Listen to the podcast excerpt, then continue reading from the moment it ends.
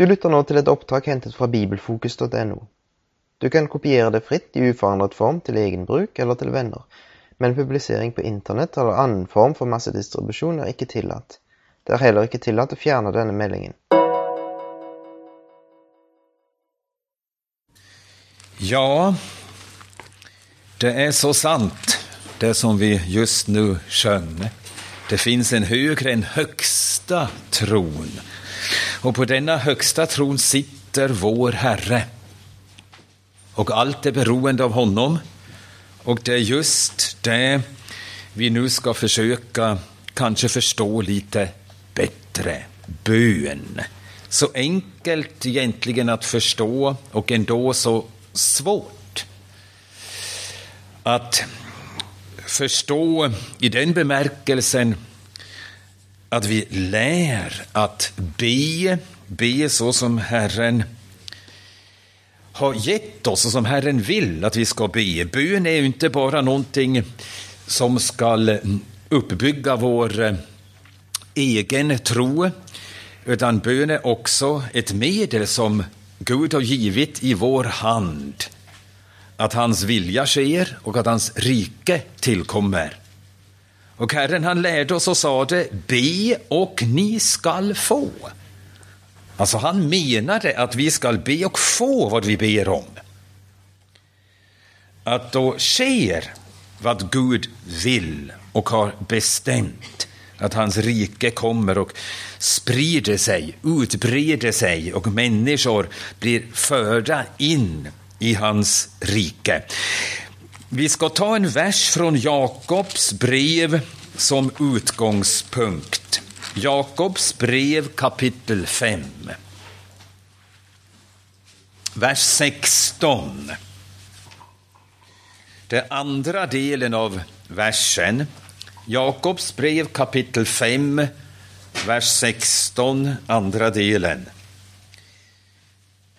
Vi läser här. Mycket mäktigt mäktig och verksam är en rättfärdig människas bön.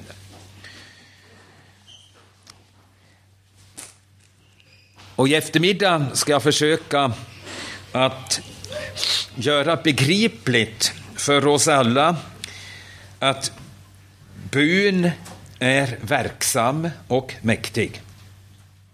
Stora ting kan ske genom bön.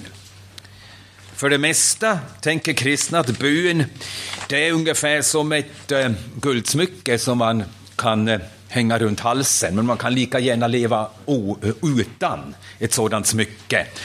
Och många tycker, ja, vi är ju kristna, vi är ju fromma, troende människor. Alltså, det, det passar ju till ett kristet liv som ett smycke att man också ber och att vi har våra bönemöten. Men bön är mycket mer än bara någonting dekorativt i vårt liv. Man kan till och med säga att bönelivet utgör själva centrum i det andliga livet.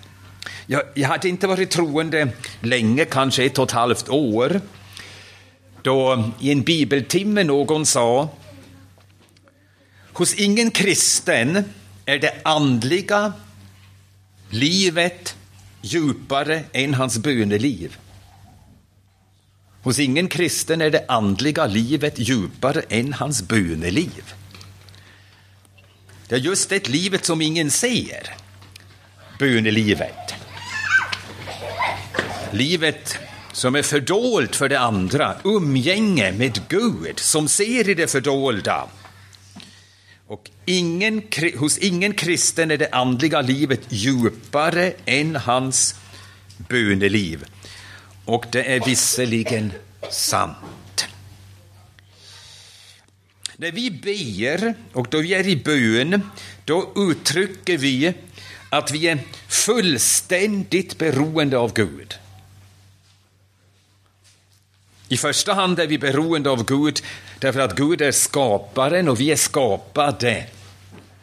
Vi har inte skapat oss själva Och vi har inte skapelsen och allt som finns i skapelsen i våra händer. Vi är beroende. Och därför är vi beroende av att Gud ger och gör vad vi inte kan ge oss själva och göra själva. Och ännu mer beroende av Gud är vi därför att vi som skapelse har blivit syndare. Som syndare är vi fullständigt kraftlösa. Är vi separerade från Gud, skilda från Gud, skilda från allt som heter liv i den högsta bemärkelsen. Som syndare är vi, är vi ännu mer beroende på att Gud ger vad vi inte kan ge oss själva och Gud gör vad vi inte kan göra. Vi kan inte ge oss själva syndaförlåtelse. Vi måste be om förlåtelse.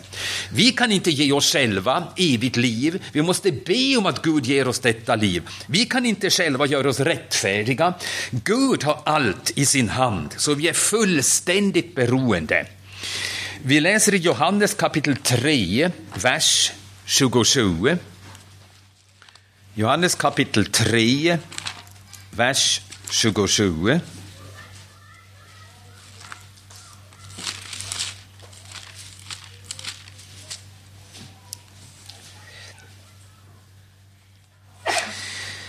Johannes döparen Johannes svarade, ingen människa kan ta emot något utan att det ges henne från himlen. Vi kan inte ta emot någonting gott utan att det ges oss från himlen. Han syftar här på den tjänsten han hade fått, att vara vägberedare för Kristus. Himmelen hade gett det åt honom. Allt goda kommer från Gud. Jakobs brev kapitel 1, vers 17. Jakobs brev kapitel 1, vers 17. Allt det goda vi får och varje fullkomlig gåva är från ovan och kommer ner från ljusens fader. Allt kommer oss till från ovan. Paulus säger om sig själv, jag vet att i mig, i mitt kött, bor intet gott, ingenting gott. Romarbrevet kapitel 7, vers 18. Jag vet att i mig bor intet gott. Vår Herre, han lärde oss att utan honom förmår vi ingenting. Vi kan bara synda, men inte göra någonting annat. Utan honom. Vi är fullständigt beroende av honom. Och då vi börjar begripa det så småningom, sakteligen, då börjar vi verkligen att söka hans ansikte på allvar och be att han ger och gör vad vi inte kan. Vi har väl upplevt det som kristna, vi har upplevt det i vårt församlingsliv. Kanske eh, eh, eh, några av er har haft del i att grunda en församling, bygga upp en församling. Hur omöjligt det är att få människor att tro. Vi kan inte tvinga någon att tro, vi kan inte locka någon att tro. Vi kan inte överbevisa någon att han kommer till tro. Det är allting fullständigt Guds verk. Vi kan bara förklara evangelium, men att han tror, vi kan inte göra någonting. Och likaså då vi har eh, en församling av troende. Och man upplever igen och igen, det finns kristna, de är envisa. Och de har sina egna idéer och de vill göra vad de tycker. Och vi har ingen makt över det troende att de blir lydiga och ödmjuka och beständiga och trofasta. Vi är fullständigt beroende på att Gud gör det vi inte kan. Och det driver oss till att beständigt söka hans ansikte i bön. För utan honom kan vi verkligen ingenting. Och Det betyder att bön måste få prioritet i vårt liv. Det är alltid svårt att säga vad kommer först, Guds ord eller bön, eller bön eller Guds ord. Jag vet inte, vem av er har läst eh, Augustins eh, bekännelser? Han börjar ungefär med den frågan, vad kommer först? Att vi åkallar Gud, eller kommer först att han talar till oss och vi sen åkallar honom, eller vi åkallar honom och sen talar han till oss. Alltså det är Guds ord och bön, det är de båda medlen som Gud har givit oss för att vårt trosliv överhuvudtaget uppstår och att det sen kan växa. Så vi måste bli som kristna mer och mer ordets människor, människor av Bibeln och bönens människor. Människor av bön. Bön måste ha tillsammans med ordet prioritet. Egentligen vet vi det ju. Vi vet att det är så. Hur började ditt andliga liv, livet som en människa som är frälst? Det började med en bön. Troligen var du ensam, hos mig var det så.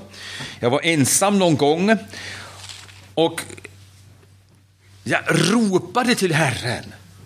Herren, var mig nådig, rädda min själ. Och det var så som vårt liv som Guds barn började. Och så som bön stod i början av vårt liv som kristna, så förblir det prioritet i vårt liv.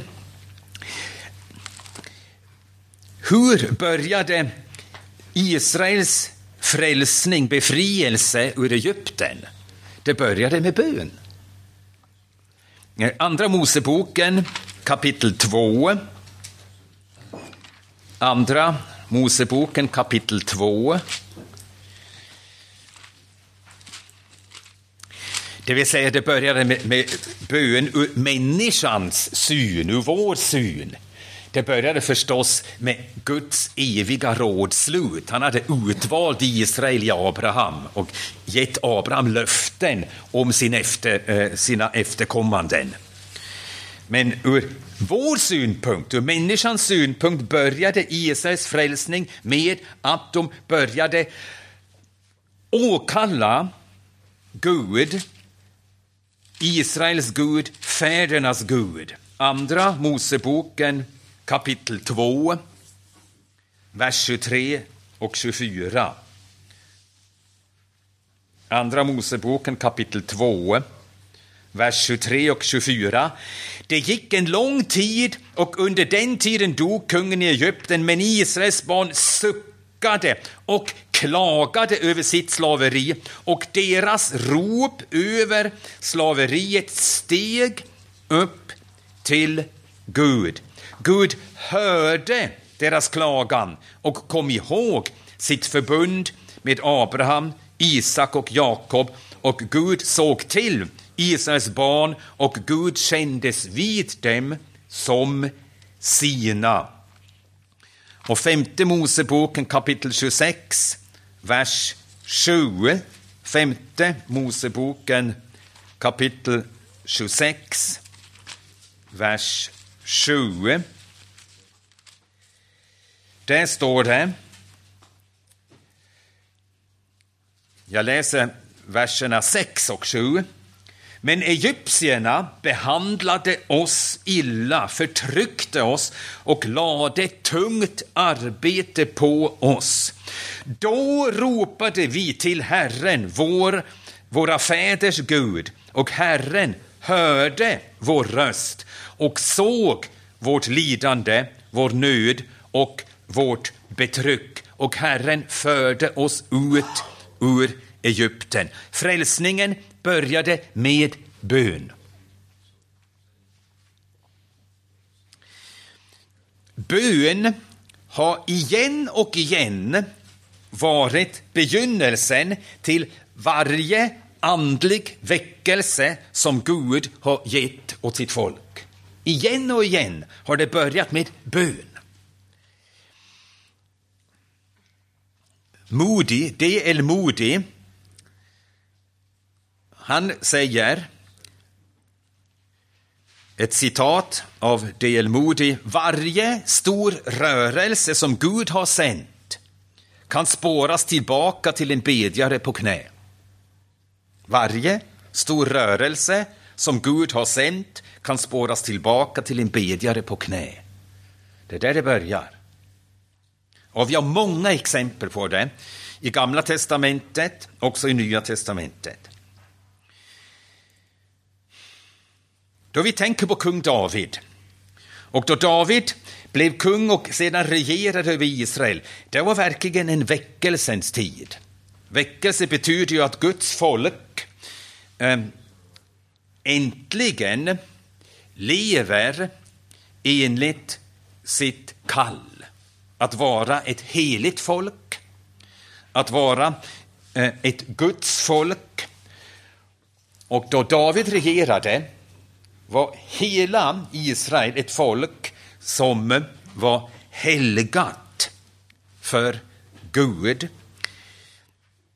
Det var alltså en väckelsens tid. Men hur började den där väckelsen? Vi har två böcker i Gamla testamentet som beskriver den tiden. De båda Samuelsböckerna. Och hur börjar Samuelsböckerna 1 och 2? De börjar med en kvinna på hennes knän, Hanna. Som bad tills hon fick Samuel. Och Samuel var den mannen som Gud använde först för att föra Israel till omvändelse, till botgörelse. Och sen var Samuel den mannen som eh, smorde David och genom Samuel blev David införd Eh, till folket. Och under David sen förde Gud sitt folk eh, till att vara igen så som Gud alltid hade velat. Ett helgat folk, ett folk som var helgat för Gud.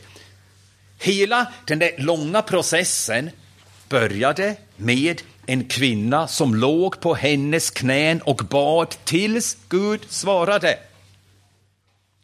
Och det är verkligen märkligt att den inspirerade historien och den inspirerade historikern som skrev historien, att han börjar Davids historia med Hanna, den bedjande kvinnan. Men det är ju en oerhörd uppmuntran för dig och för mig. Och även om kvinnor tänker, ja, jag har ju inte ett kall att vara en stor predikare eller en lärare i Guds församling, men vi är alla kallade till att vara bedjare och som bedjare vara verktyg i Guds hand, att Gud kan göra det verk i sitt folk och genom sitt folk som han har alltid velat och bestämt. Men han väntar på oss, att vi börjar söka hans ansikte med allvar. Varje stor rörelse som Gud har sänt kan spåras tillbaka till en bedjare på knä. Domartiden, det var ju en märklig tid, säregen tid. Och för det mesta då vi tänker på domartiden, då tänker vi på nedgång, degenerering, fruktansvärda synder, gruvliga synder. Om vi tänker på Domarboken kapitel 16, 17, ända till kapitel 21. Avgudadyrkan, eh, en kvinna blir våldtagen, massvåldtäkt. Sen blir hon styckad i bitar. Och sen blir det inbördeskrig, alltså fruktansvärda saker sker i Guds folk. Alltså vi tänker för det mesta, då vi tänker på domarboken, på nedgång. Men domarboken är också en bok om väckelser. Nedgången från Josua sen till um, det läget som folket sen var. På slutet av domarboken står ju den mycket betydelsefulla meningen. Det fanns ingen kung i Israel och var och en gjorde vad han tyckte var bäst. Alltså fullständigt godtycke regerade i Israel. Verkligen degenerering. Men det var inte en, en, eh, en nedgång raka vägen ner, utan när vägen neråt blev igen och igen stoppad genom väckelser. Och så skänkte Gud ofta väckelse 40 år, 80 år, frid i Israel, frid med Gud, Guds frid i landet, väckelse. Och alla dessa väckelser, utan undantag, började med bön. Ja, vi slår upp eh, det ena eller andra exemplet. Domarboken kapitel 3. Domarboken kapitel 3.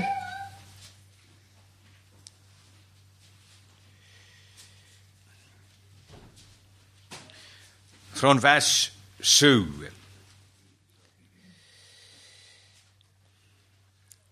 Israel gjorde det som var ont i Herrens ögon. De glömde Herren sin Gud och tjänade balerna och aserorna. Då upptändes Herrens vrede mot Israel och han sålde dem i Kushan Risatajims hand, kungen i Aram Naharajim. Och Israels barn tjänade Kusan Risatajim i åtta år.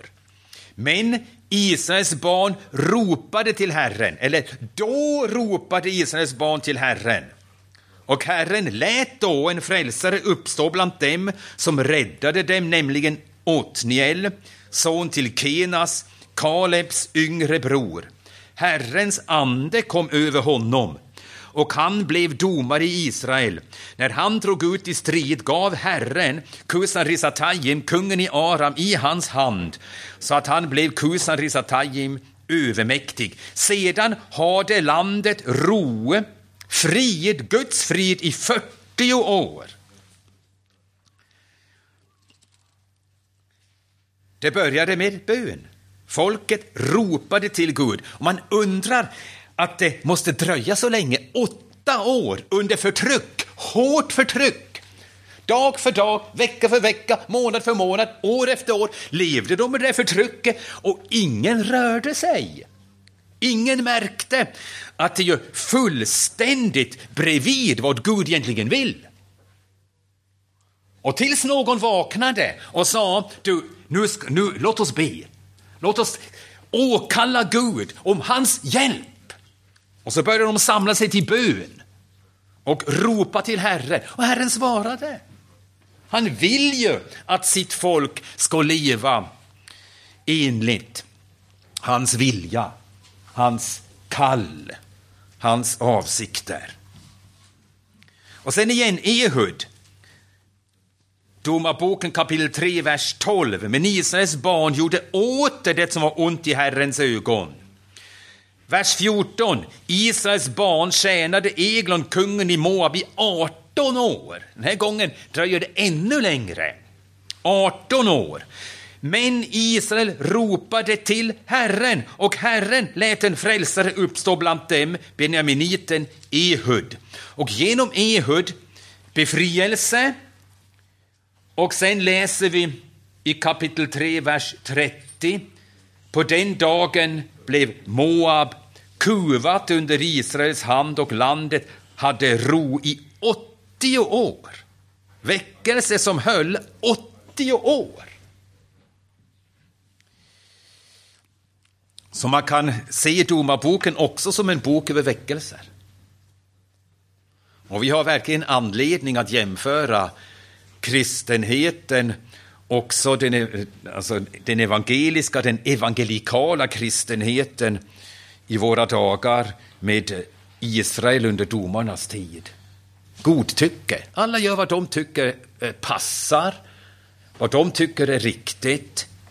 Godtycke, nederlag, kraftlöshet, allt möjligt fantasifulla som man hittar på, mänskliga påhitt och vi behöver verkligen en Guds hemsökelse. Om vi behöver någonting är det en Guds hemsökelse. Låt oss därför börja med allvar söka hans ansikte.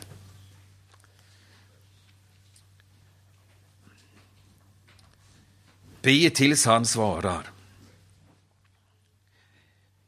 Det som vi läser i Domarboken det har upprepats otaliga gånger. också i kyrkohistorien. Ett exempel ur den nyare kyrkohistorien året 1911 i Kina, i södra Kina. Var vänliga och be om väckelse i Hingwa, en kvinnlig missionär som eh, arbetade i Hingwa i södra Kina skrev dessa ord till hennes eh, hemförsamling i Amerika. Och det var två äldre systrar i hennes församling. De tog det uppropet på allvar och började be om väckelse i Hingva. Och de möttes regelbundet för att be om väckelse. Och det, under månader bad de och så gav Gud dem i bön den vissheten väckelsen kommer. Och ibland kan det också ske att Gud till och med säger precis när det ska komma. Alltså jag är själv ingen svärmare, alltså jag tror inte på röster som man hör och så vidare. Men Gud han kan ge sådan övertygelse. Och de där, de där två systrarna, de fick den övertygelsen att kommande långfredag ska ni uppleva väckelse i Hingva. Och så skrev de ett brev till den där missionären i Kina, den där kvinnliga missionären. Håll er redo. Långfredag 1911 kommer väckelse. Nu var det så att brevet kom inte fram. Det kom för sent. Men väckelsen kom, verkligen, den långfredagen. Och jag citerar nu eh, en, eh, ur en bok, en biografi över John Sung. Har ni hört det namnet någonsin? Han var evangelist i Kina på 30-talet. 30 och 40-talet. Kanske in till 50-talet. Han blev inte så gammal. John Sung. Och det finns en biografi över honom skriven av Leslie Lyle. John Sung, A Flame for God in the Far East. Och ett citat ur den boken. Predikanten den där långfredagen hade varken rykte om sig att vara en särskilt begåvad evangelist eller att för övrigt ha några speciella gåvor.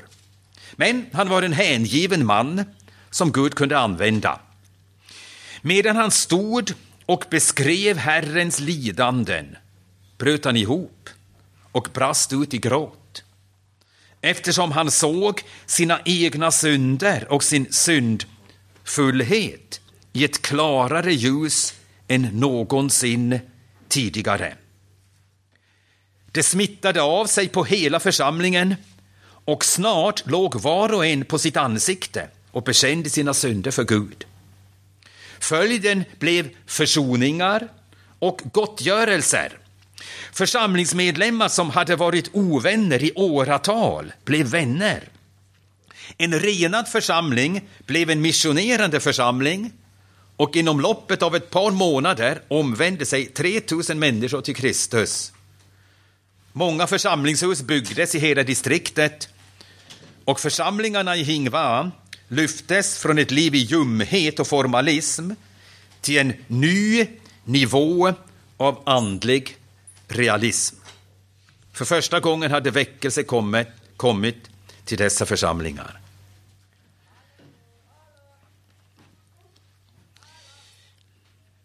Bön måste ha prioritet. Om vi längtar oss efter att se, det måste inte bli väckelse. Allt är i Guds hand och om Gud inte vill sända väckelse kommer ingen väckelse. Men vi kan be enligt Guds vilja att han verkar sitt verk i det troende som vi har att göra med i vår församling. Och vi kan be att han använder oss att rädda själar. Det är hans vilja att rädda människor och han vill att vi ska be om att människor, att själar blir frälsta. Och vi kan be att det sker och det kommer att ske. Även om det blir i ringa utsträckning. Men vad vi säkert längtar efter, det är andlig realitet. Ett andligt liv med Herren.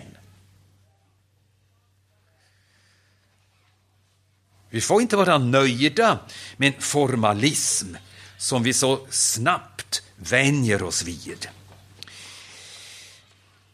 Om vi slår upp Lukas kapitel 3, vers 21 har vi ett till exempel på att bön har prioritet. Lukas han beskriver oss Jesus som den fullkomliga människan. Och därför har Lukas skrivit oss mer om Jesu böneliv än de andra evangelisterna. Och därmed visar han att den fullkomliga människan, människan som är så som Gud vill, är en bönens människa. Och Lukas är den enda evangelisten som visar att Herren, att han började sin eh, tjänst som eh, Messias i, i Israel vid dopet, men han började med bön. Dopet, det var början av hans, eh, hans eh, eh, eh, tjänst, offentliga tjänst. Och Lukas är den enda, den enda som eh, skriver och berättar för oss att Jesus, att han bad vid dopet. Lukas kapitel 3, vers 21. Lukas 3, vers 21. När nu allt folk döptes blev även Jesus döpt. Och medan han bad öppnades himlen. Att himlen öppnades och att den helige ande for ner i eh, en duvas skepnad, det står i Matteus, likaså som också i Johannes kapitel 1. Men bara i Lukas står det att Herren bad och då öppnades himlen och den heliga ande for ned. Så vi lär oss här, bön har prioritet och genom bön sker två saker. Himlen öppnar sig och den heliga ande far ner. Naturligtvis, Herrens dop och det som skedde i samband med hans dop är unikt. Alltså, vi kan inte härma det eller repetera det på något vis.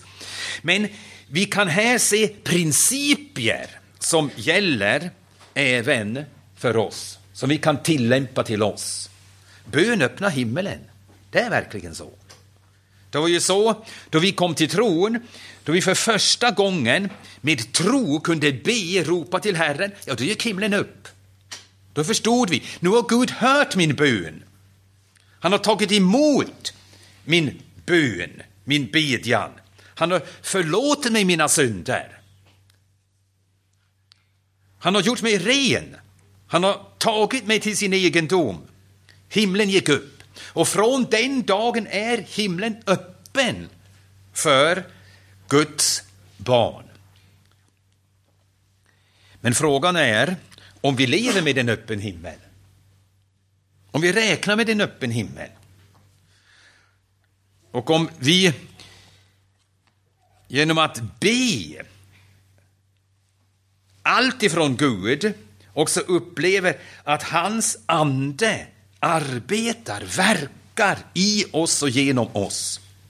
Så vi kan säga, bönen öppnar himlen över oss och bönen öppnar också andra dörrar, nämligen dörrar i oss, så att den helige Ande får full frihet och tillgång till alla områden i vårt liv.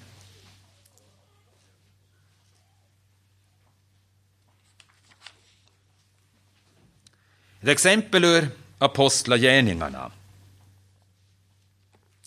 Apostlagärningarna kapitel 4. Apostlagärningarna kapitel 4.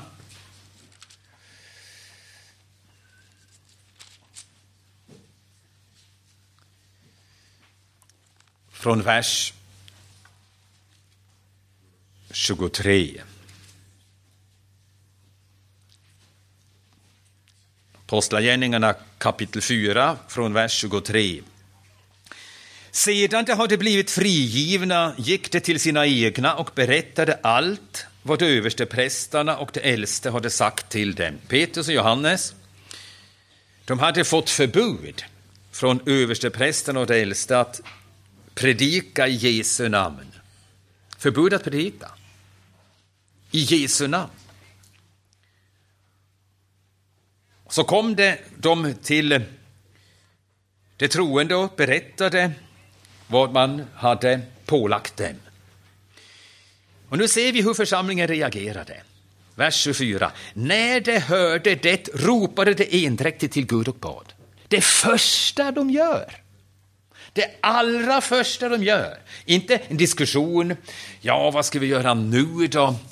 Kanske vi ska skriva en, en petition till regeringen. Kanske vi ska vända oss till, till eh, Eh, eh, Pontius Pilatus. Vad ska vi göra?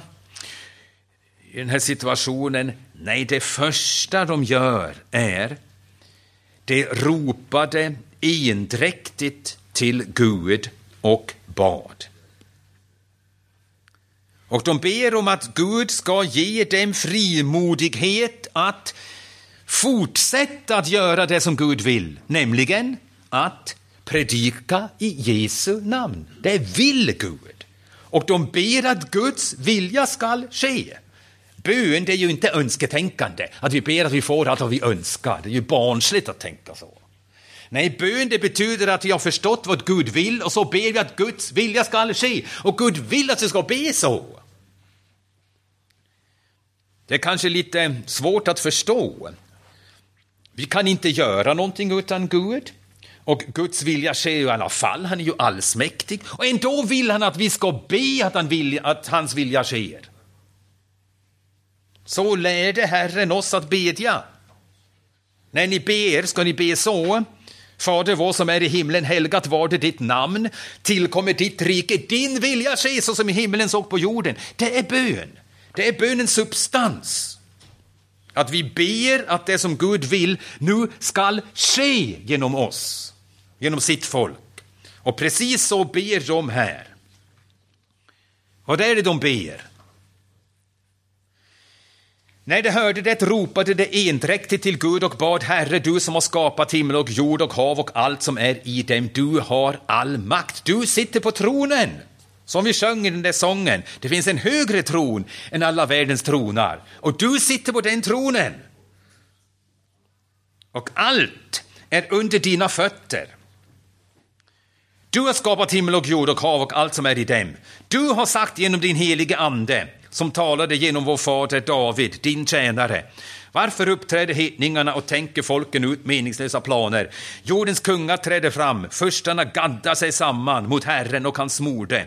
Ja, de gaddade sig verkligen samman i denna stad mot din helige tjänare Jesus som du har smort, Herodes och Pontius Pilatus tillsammans med hedningarna och Israels stammar för att utföra vad du i din makt och genom ditt beslut har det förutbestämt. De säger i bön att du är den suveräne Herren och de gör utan att de vet och utan att de vill det i alla fall det som du har bestämt. Allt är i din hand. De tappar inte modet, de tappar inte tron därför att detta förbud nu har kommit. Nej, du är Herre och du har givit oss en befallning. Och den befallning är att vi skall predika din sons namn. Och därför ber de nu, vers 29. Och nu, Herre, se hur det hotar oss och hjälp dina tjänare att frimodigt predika ditt ord. Det var ju det man ville förbjuda. Och de ber, ge oss att frimodigt predika ditt ord. Det är ju din vilja. Din son har gett oss den befallning, predika evangelium till alla människor. Och den befallningen står. Och den viljan är fast och klar och det finns inget tvivel om den saken.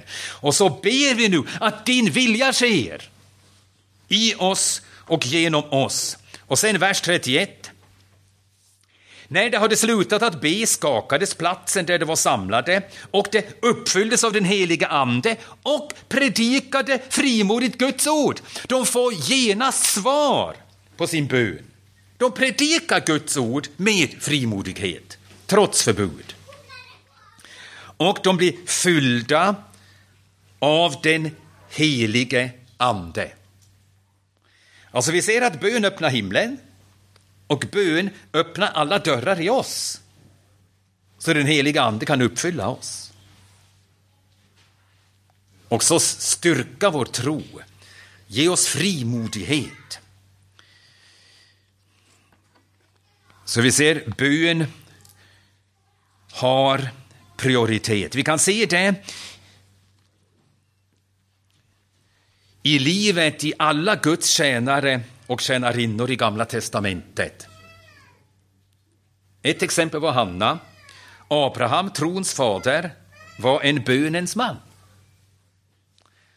Ett av det första vi läser och hör av, eh, av Abraham, Första Moseboken kapitel 12. Första Moseboken kapitel 12. Gud har kallat Abraham och enligt Guds kall beger sig Abraham iväg.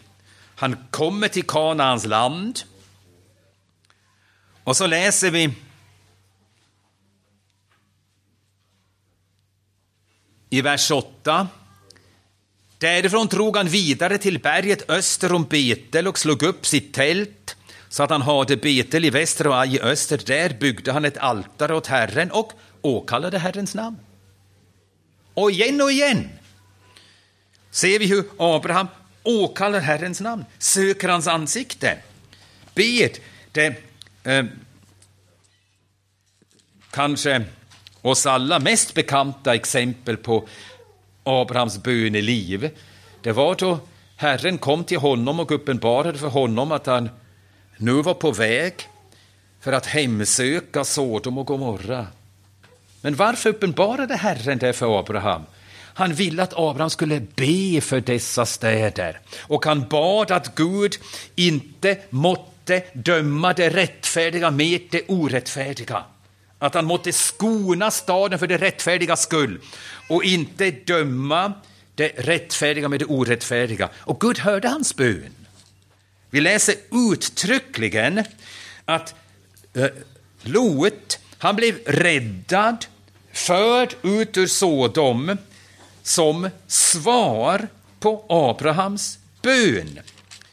Första Moseboken kapitel 19, vers 29. Första Moseboken kapitel 19, vers 29. Vi läser från vers 27 till 29. Tidigt följande morgon gick Abraham till den plats där han hade stått inför Herren. Och det betyder, han hade stått inför Herren och bedjat och nu vill han veta, vad har blivit av mina böner? Det är just att bedja med allvar. Gud tar oss på allvar då vi ber och vi ska också ta honom på allvar och hans löften. Herre, du har givit löften. Jag ber enligt dina löften. Herre, nu väntar jag på att se din hand, hur den verkar. Även om det inte bara dröjer en dag, det kan dröja ett år, det kan dröja tio år, det kan dröja 30 år. Men vi väntar, Herre, på att du inlöser dina löften. Vi ber med allvar, med förväntan att Herren svarar. Och så bad också Abraham, därför gick han dit tidigt följande morgon, gick Abraham till den plats där han hade stått inför Herren och såg ner över Sodom och Gomorra. Vad har blivit av mina böner? Och sen står det i vers 29, då Gud fördärvade städerna på slätten tänkte han på Abraham och förde ut Lot undan förödelsen. Han hörde Abrahams bön, han förde ut den rättfärdige så han inte blev fördärvad tillsammans med det ogudaktiga. Abraham var en bönens man. Jakob, Jakob blev ju till Israel. Vid vilket tillfälle fick Jakob namnet Israel? Det var efter en bönenatt. Då Jakob hade blivit en bönens man, då blev han Israel och inte innan. Han var 20 år var han i främmande land.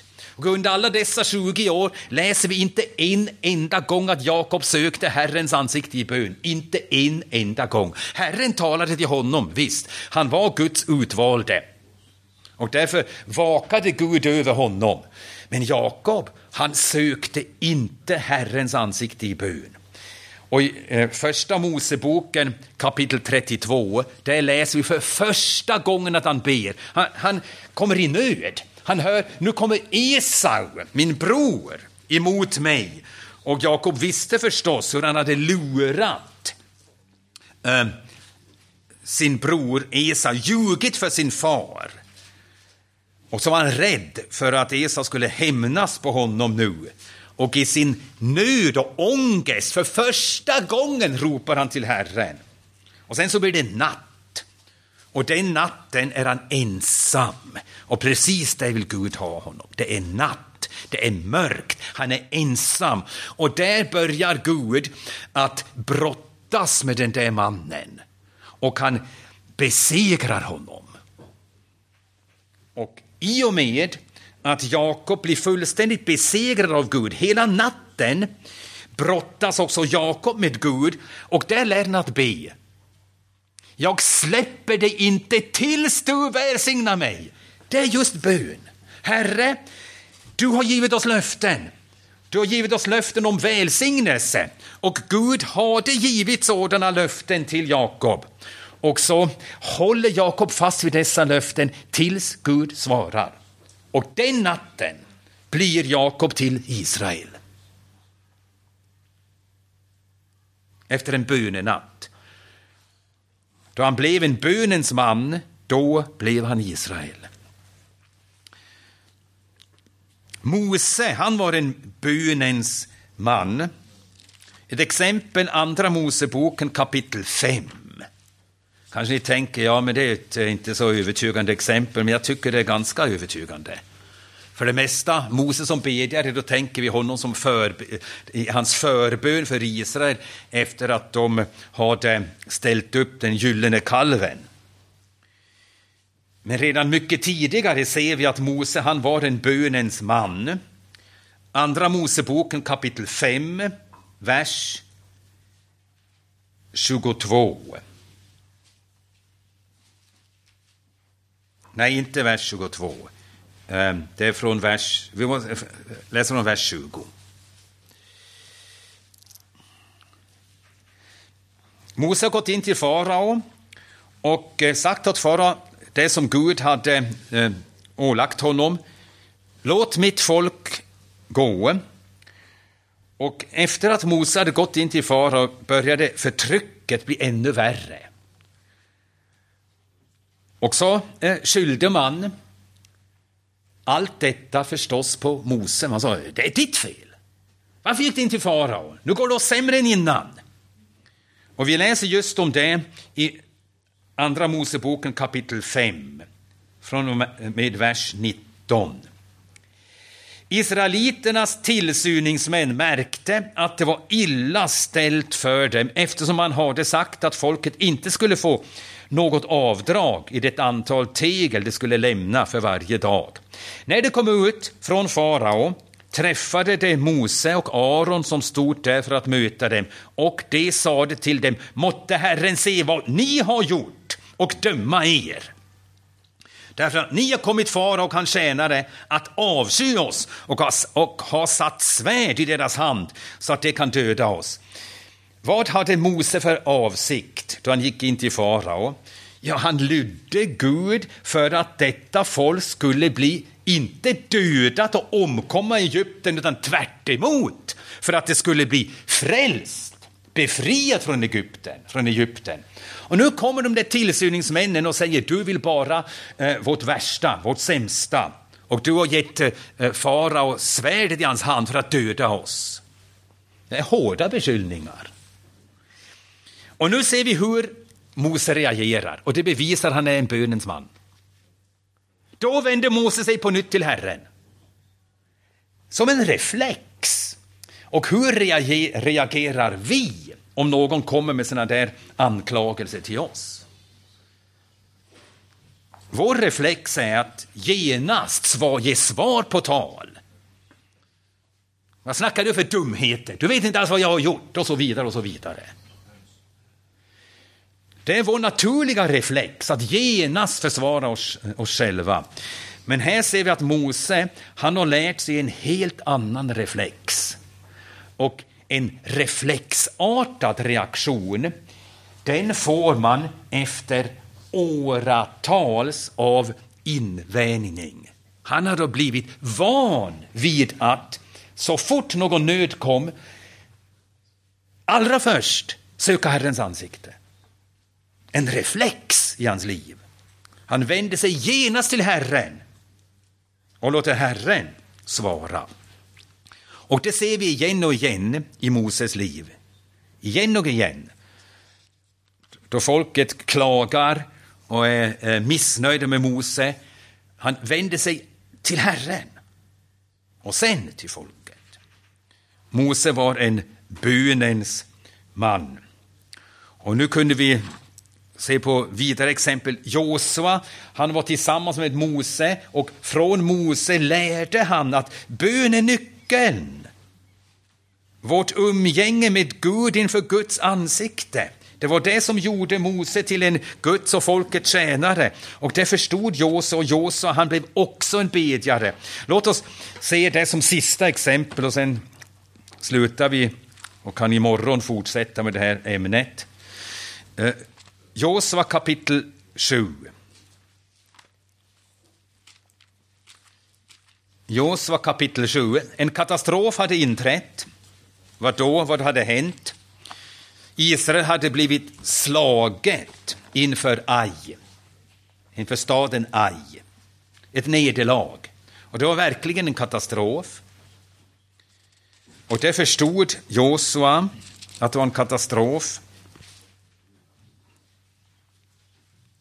Det var en chock.